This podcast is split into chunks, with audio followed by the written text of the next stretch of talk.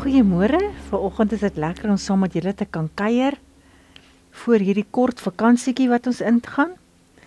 En vanoggend wil ek baie graag met julle praat oor trots en wraak.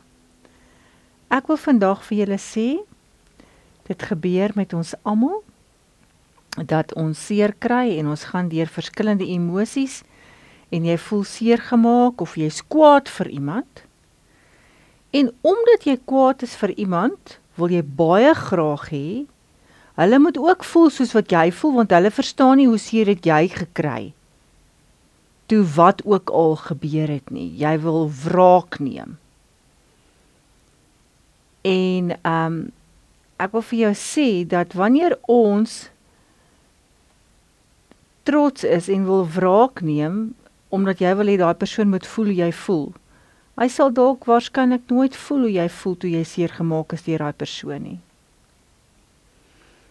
Maar waarop dit neerkom op die ouend van die dag is, as jy kwaad is vir daai persoon, God wil baie graag hê dat jy die kwaad vir hom sal gee.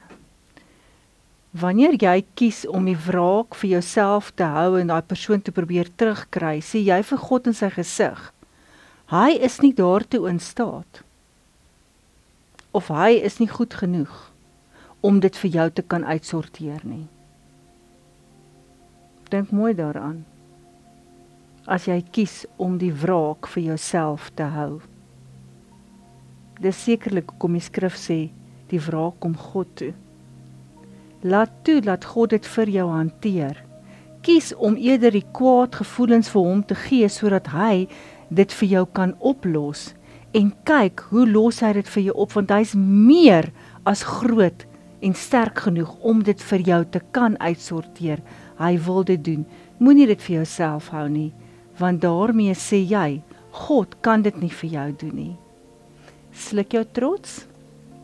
Sit dit in jou sak Laat toe dat God dit vir jou doen. Dis nie lekker om verneder te voel nie. Maar God sal jou hoof vir jou oplig. Gee dit vir God en kyk hoe hy dit vir jou hanteer. Mag jy 'n wonderlike geseënde week verder hê.